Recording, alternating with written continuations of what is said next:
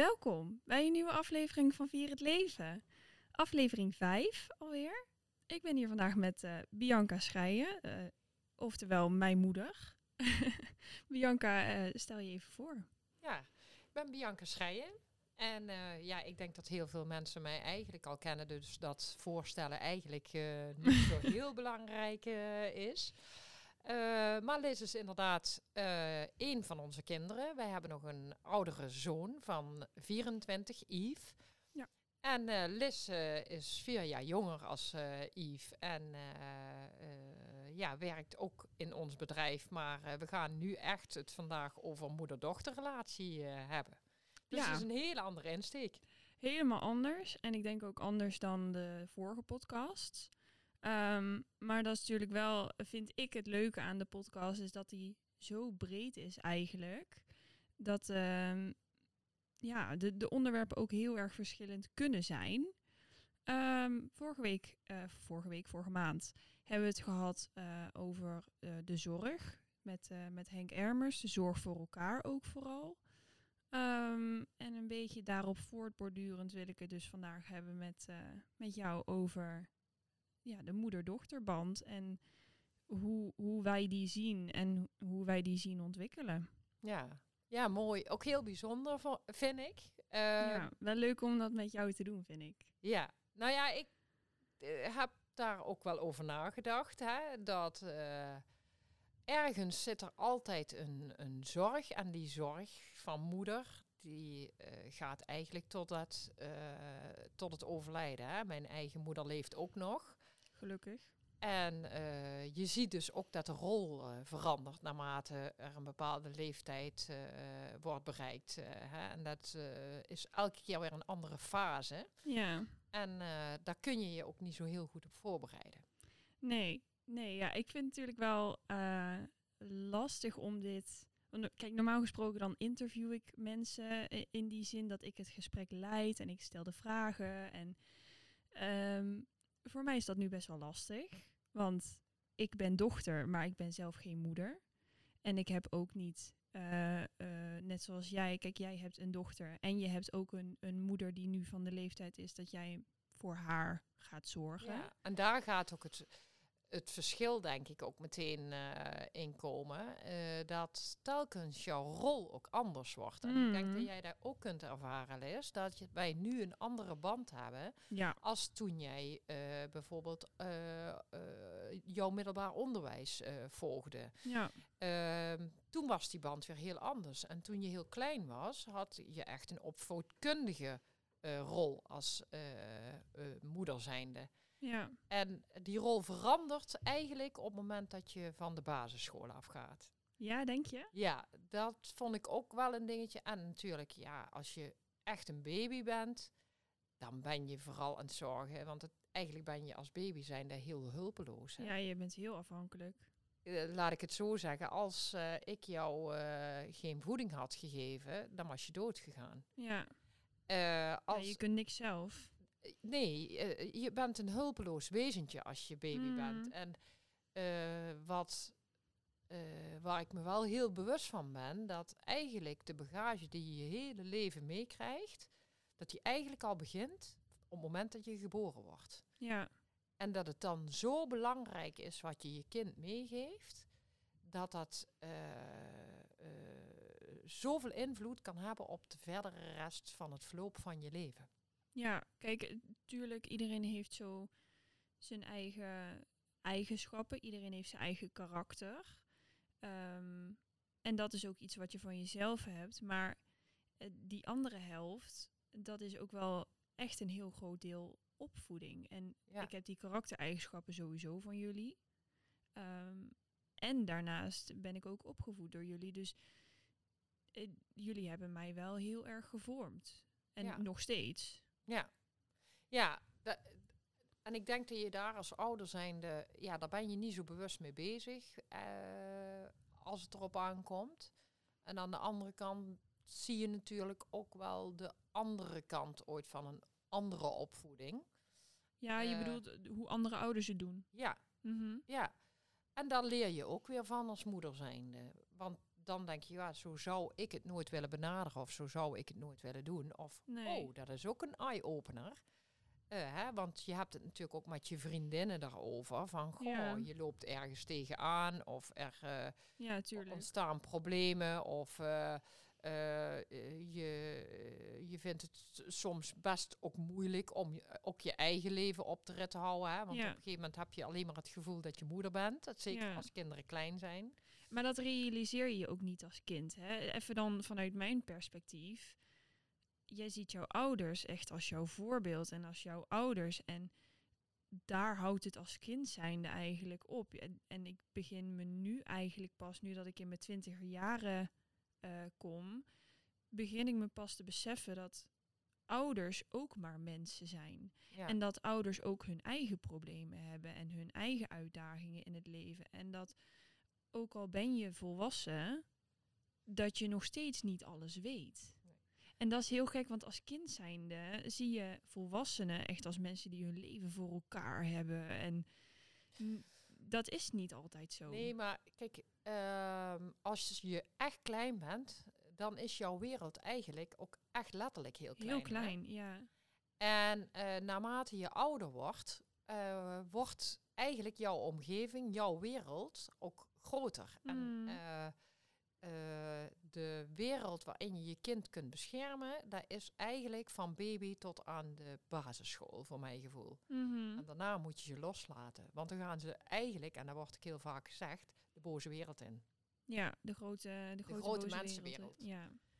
En eh, ja, dat is voor heel veel mensen wel een stap. En dat betekent ook dat je, wat jij ook zegt, dat eh, dan uiteindelijk ook eh, je dan pas in de gaten hebt als kind. Hé, hey, er is een andere wereld. ja. En dat die is besef best komt spannend. dan. Ja. ja, dat is ook zo. Maar dat laat je nooit merken als puber. Nee, want je moet wel stoer blijven natuurlijk. Ja. Ja. Nee, maar eh, als puber zijnde heb je heel erg het idee dat...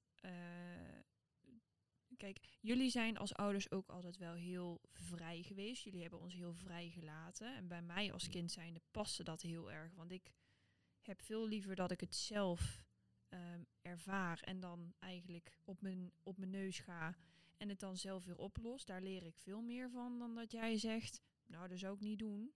Want Ja, dat je- geloof ik toch niet. Je weet wel wat ik altijd zei, hè? Ja. Had je ooit iets mm, eigenlijk niet zo heel handig Nee. iets gedaan, eh, of eh, je kwam heel laat thuis, eh, of je belde, ja, ik wil eigenlijk liever toch niet hier blijven slapen, want ik vind het toch niet zo leuk. nou, soms had je als ouder zijn er dan al van, had ik al een beetje kunnen verwachten, maar Ja. jij dacht, ja, dat vind ik superleuk en dat, dat vind ik echt. en, en uiteindelijk dacht je, oh nee, dat is toch niet zoals ik dat had verwacht. Maar ja, da- en dan belde je en dan zei je van, kun je me toch komen halen? Ja. Nou ja, dan doe je dat als ouder zijn. en als je ooit iets doms deed, dan zei ik vaak, niet zo heel vaak dat ik strafte of eh, boos was. Maar dan zei ik, was niet zo handig, Alice. Nee, was niet zo handig, nee. En, zei je, en dan zei ik al pas de volgende dag. Dan ja. zei ik nooit s'avonds, want dan liet ik je gewoon binnenkomen. En dan dacht ik, nou, het is niet allemaal eh, geweldig. Maar eh, ja, Nee. dat... Nee, maar jij, jij ging er ook altijd wel vanuit, pap ook trouwens, maar dat wij ook wel zelf het besef hadden en ons eigen gedrag in de gaten hadden. Ehm, en, en ook wel wisten waar we de fout in waren gegaan. Dat hoefde jij niet nog een keer te vertellen. Nee, en ik zal zeker niet zeggen, dat is denk ik ook wel heel fijn geweest. En eh, daar hadden we geluk mee, denk ik. Want Ja. dat is niet voor elke ouder zo. Nee, nee. Eh, eh, maar wat ik ook heel erg belangrijk vond, is dat vrienden en vriendinnen altijd welkom waren bij ons. Mm. Want dan wist ik tenminste waar, waar je mee omging en Ja. wat ik eraan had. En eh, eh, dat ja, scheelt ook heel veel. Ik denk ook dat mensen eh, heel erg onderschatten hoeveel invloed vrienden en vriendinnen op je hebben. Zeker als je jong bent of als je aan het puberen bent. Ehm, ja, er bestaat echt wel zoiets als groepsdruk. En wat jouw Mhm. vrienden doen, wil jij ook doen. Ja, En ja. eh, als jij niet weet wie de vrienden of vriendinnen van jouw kinderen zijn, dan weet je ook niet ehm, welke keuzes jouw kind misschien wel of niet gaat maken. ja. Want dat heeft wel degelijk heel veel invloed. Ja, dus dat vond ik heel belangrijk. Dat je die vrienden en vriendinnen kende. Ja, En dat er ook gewoon een feestje gegeven kon worden. Ja, en er werd ooit veel te veel gedronken. Ehm, maar daar nam, eh, gaf ik je ook de verantwoordelijkheid in. Van, goh, Ja. luister eens. eh, dat betekent dat je voor je vrienden moet zorgen. En Ja. eh, iedereen gaat wel eens Te ver. te ver. Ja. En zorg ervoor dat je het opruimt en dat je diegene naar huis brengt. En dat je iemand niet alleen laat. nee. Kom, hè, en kom samen tot een oplossing of naar huis. En dat is bij ons ook eigenlijk altijd wel goed gelukt. Ja, Maar ik kan me wel voorstellen dat... maar jij bent Dan- daar zo koeltjes in. Ik kan me ook voorstellen dat heel veel ouders denken van... oh, eh, dan wordt er een feestje gegeven en dan wordt er te veel gedronken. Dat ze het daar heel benauwd van krijgen. nee, daar hoort... Ja, ik zag het anders. Daar hoort Ja, jij bent er altijd heel, heel cool in ja, maar je, je moet het zien. Je moet je leven ontdekken. Ook wij hebben... eh, als je leert ontdekken, leer je ook waar je grenzen zijn. En Ja. wat je wel en niet moet doen. Ja. En als je, hoe vaker jij zegt van, oh, dat moet je niet doen, en dit moet, en dit is gevaarlijk, en Ja, dan oh, ga je dat juist doen. voor, dan word, word je, wordt je nieuwsgierigheid gewekt. Dat klopt. En ik ben nooit over een grens heen gegaan. Ik heb, tuurlijk, eh, je hebt een keer, eh, als we het dan hebben over feestjes, je hebt een keer te veel gedronken. Maar ook dat is niet heel vaak voorgekomen, moet ik eerlijk zeggen. Nee, eh, nou ja, goed. Ik wist altijd heel goed waar die grens was. En ik had ook helemaal geen zin om daar overheen te gaan. Want inderdaad, ik was daar niet nieuwsgierig naar. Dat hoefde voor mij niet. Nee. Nee, nou ja, goed. eh, Welke invloed daar nog meer aan ten grondslag ligt, dat weet ik ook niet precies. Hè. Dat kan een stukje opvoeding zijn.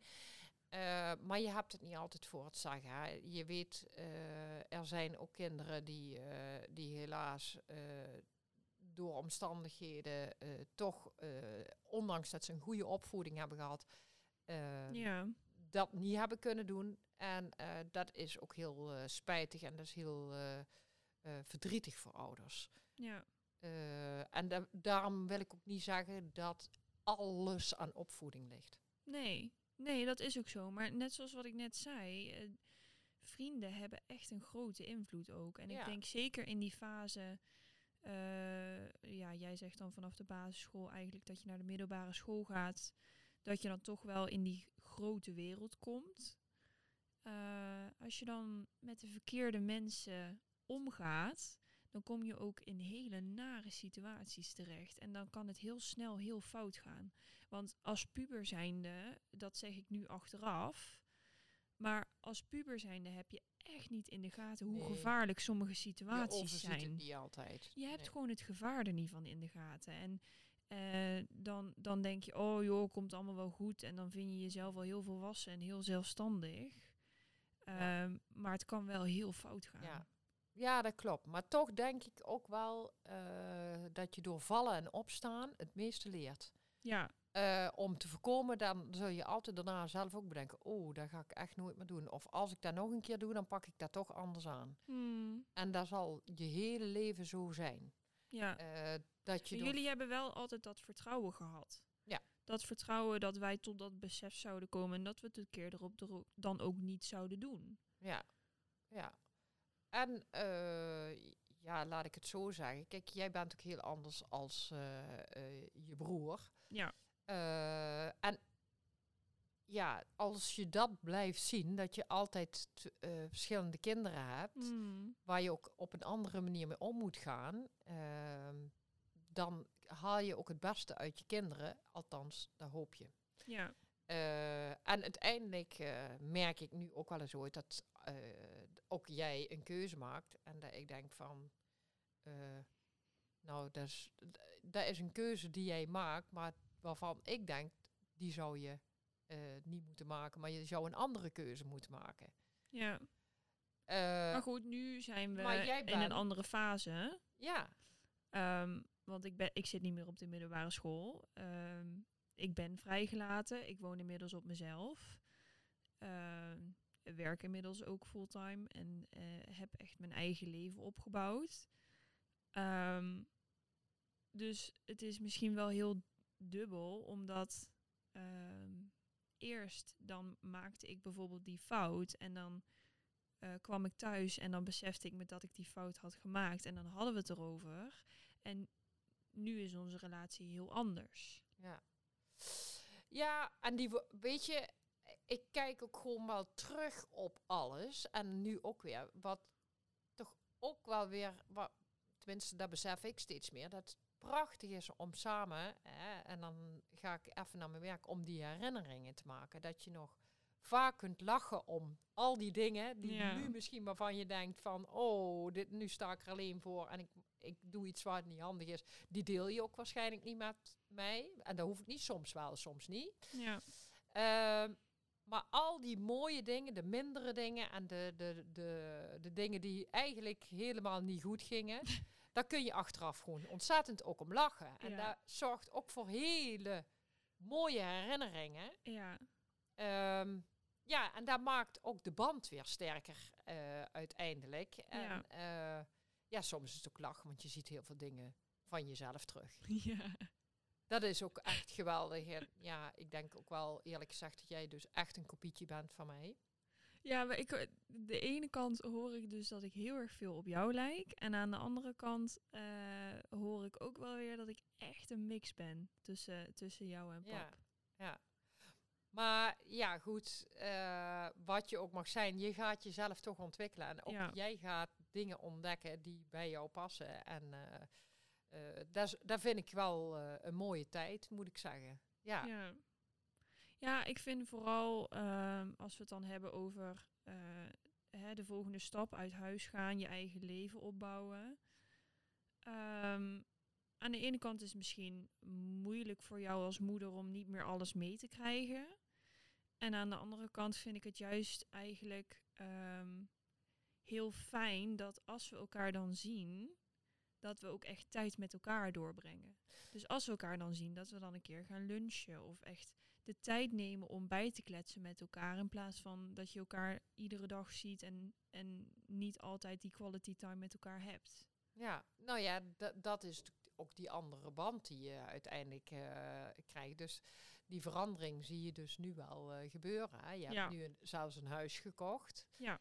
En eh, ja, goed, daar hadden we, hadden we natuurlijk ook ideeën over. En eh, als het dan om bepaalde keuzes die je hebt gemaakt, eh, dat is grappig. Dat, eh, dat zouden niet onze keuzes zijn geweest. Maar Nee. toch ben ik super blij voor je dat je een heel mooi appartement hebt gekocht.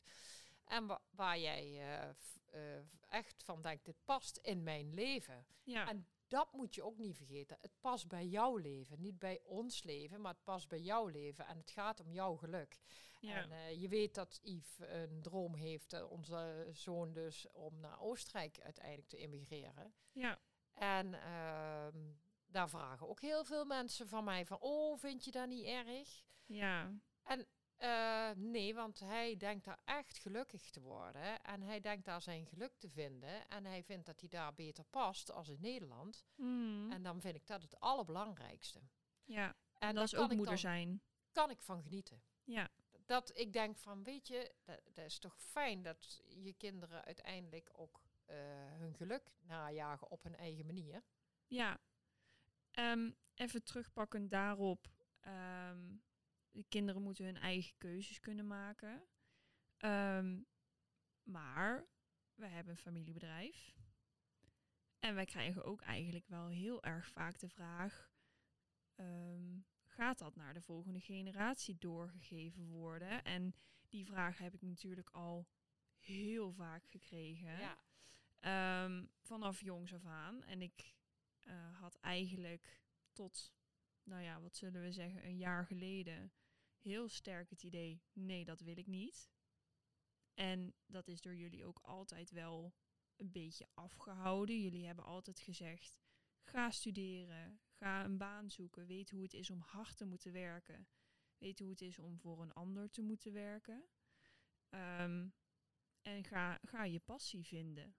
Ja, maar ja, ja. Eh, nou, we hebben dat inderdaad nooit echt gestimuleerd om, eh, ondanks dat het pas de tweede generatie is, hè, eh, Ja. pap heeft het overgenomen van zijn vader. Ja. Hebben wij altijd gehad van, ehm, Nou die verwachting is wel altijd Ja, geschept dat- door anderen. dat wordt ook verwacht. Maar ik vind wel dat kinderen zichzelf moeten ontwikkelen op hun eigen manier. En als Ja. de tijd er rijp is, dan komen ze wel misschien wel in het bedrijf. Ehm, maar daarlangs eh hebben wij ook nooit een valse hoop naar jullie gegeven. Of de hoop gehad, laat ik het zo zeggen, dat is beter gezegd. eh, dat je, een van jullie het bedrijf over zou eh, moeten nemen. Dus als dat niet gebeurt, dan is dat geen issue voor ons. Eh, Nee. eh, terwijl voor heel veel mensen zeggen, oh dat is toch jammer. Maar, die boodschap is ook altijd heel duidelijk geweest. Ja, want- voor ons als kinderen. Ja, want eh, dan houdt het, weerhoudt het je ontwikkeling ook. En dat zie je ook wel eens ooit in de omgeving. Ja, Dat ouders wachten, wachten, wachten tot een van de kinderen zover is. En dan valt het o zo tegen als dat niet gaat. En dat Ja. is niet de reden waarom wij dat niet willen. Maar wij hebben wel ook nou, wel eens ooit in contact zijn we geweest met een bedrijf. Die neemt heel veel familiebedrijven over. was een plotseling eh, contact. Dus niet dat we al bezig zijn om ons bedrijf te verkopen. Totaal niet. nee. Ehm, want we doen het nog steeds met heel veel passie en liefde. En eh, voorlopig zijn we nog eh, steeds aan zet in ons bedrijf, eh, waar we nog elke dag actief zijn. Het is ook niet alsof je al richting de pensioenleeftijd Nee, maar daar gaat. kwamen wij toen mee in contact en dat sprak ons aan. eh, want Mm. ja, we hebben wel een bepaald idee over hoe ons bedrijf voortgezet moet worden. En ja, of dat nou een van de kinderen doet of iemand anders. Ja, daar, zij, daar staan we voor open. ja, Maar ja, nu ben je in het bedrijf. En, eh, ja. ja, Tot eh, een jaar geleden was dat eigenlijk niet, eh, niet in beeld. En een jaar geleden stopte ik bij mijn vorige baan. Ja. En ben ik eigenlijk begonnen. Ik heb hiervoor bij een marketingbureau gewerkt. Heel veel ervaring op mogen doen. En heel veel geleerd. En ehm, nou ja, ik, ik stopte daar in november eh, 2021. En eh, nou ja, mocht ik weer terug willen gaan naar school, dan zou ik moeten wachten tot het studiejaar van het volgende jaar. Dus of januari of september 2022. Ehm, dus ik dacht, weet je, ik heb nu die ervaring opgedaan. Ehm, ik weet dat jij, eh, Bianca, daar eh, al, al veel mee bezig was met hoe we ons bedrijf neerzetten en hoe we die boodschap dan eh, naar buiten krijgen. Eh, maar ja, dat was één van jouw vele taken. En ik vond het eigenlijk wel heel interessant om dan als een soort project ehm, de marketing, zoals je dat, ja, tussen haakjes marketing, van eh Schrijen en Zevenhutten, om, om dat een beetje naar een hoger niveau te tillen. Dus daar heb ik mijn project van gemaakt. En eigenlijk al vrij snel nadat ik op kantoor kwam werken, dacht ik van, oh, maar dit is wel echt heel leuk. en wat vind je dan zo bijzonder? Ehm, nou ja, ik vind sowieso de marketing leuk. eh, anders dan zou ik daar ook niet in zijn gaan werken. Ehm, maar ik vind, ehm, ik, ik, ik heb echt die, die passie voor het bedrijf eh, echt pas gevonden toen ik in het bedrijf ging werken. Ja, ik denk ook dat je geen idee had wat het er allemaal in. Nee. En ik denk wel, zoals ik jou ken, dat jij sowieso eh, eh, gedreven bent en eh, de uitdagingen aan durft te gaan. Ja, in een heel breed gebied. Ja. Hè, op allerlei factoren ben je nieuwsgierig en ben je leergierig. Ehm, en dat maakt het natuurlijk ook dat je het zo interessant eh, vindt. En in die zin eh, past er ook bij iemand die jong is. Hè. Over het algemeen Ja. zijn die nieuwsgierig, leergierig. eh, zien vaak de uitdagingen en dingen. En als dat niet is, gaan ze zich ook vervelen. ja, En op het moment dat ze zich vervelen, zijn ze weg. Dus Ja. dat is eh, eh, voor nu heel erg eh, mooi dat je dat doet. Maar ook daar hangen we eigenlijk niks aan vast. nee. Van, goh, wie weet zag je na vijf jaar, nou, ik heb nu eigenlijk alles wel gezien en ben je weg. Ja, Nou, daar zien we dan wel tegen die tijd. dat kan ook. Maar je bent nu nog super jong. Ja, En in die zin was je vader ook super jong toen hij het bedrijf overnam. ja. Het is Eh, eigenlijk heel gek dat, eh, ondanks dat die verwachting vanuit jullie nooit is uitgesproken, die was er ook niet. Ehm, en dat ik eigenlijk heb gezegd dat ik dat ook niks eh, vond. dat het verhaal van mij nu toch wel heel erg lijkt op dat van pap. Vind ik zo, zo komisch eigenlijk. Ja, ja. Ja, daar, daar is het ook. Ergens zit het toch wel in je, in je hart. Ja, Hè, terwijl Ja. je totaal niet weet waar je ja op zegt en nog steeds niet. En dat nee. is voor, eh, nou ja, goed stel voordat het wel gebeurt dat je het overneemt, dan is dat voor ons heel spannend. En hebben wij daar ook Voor mij ook. Ja.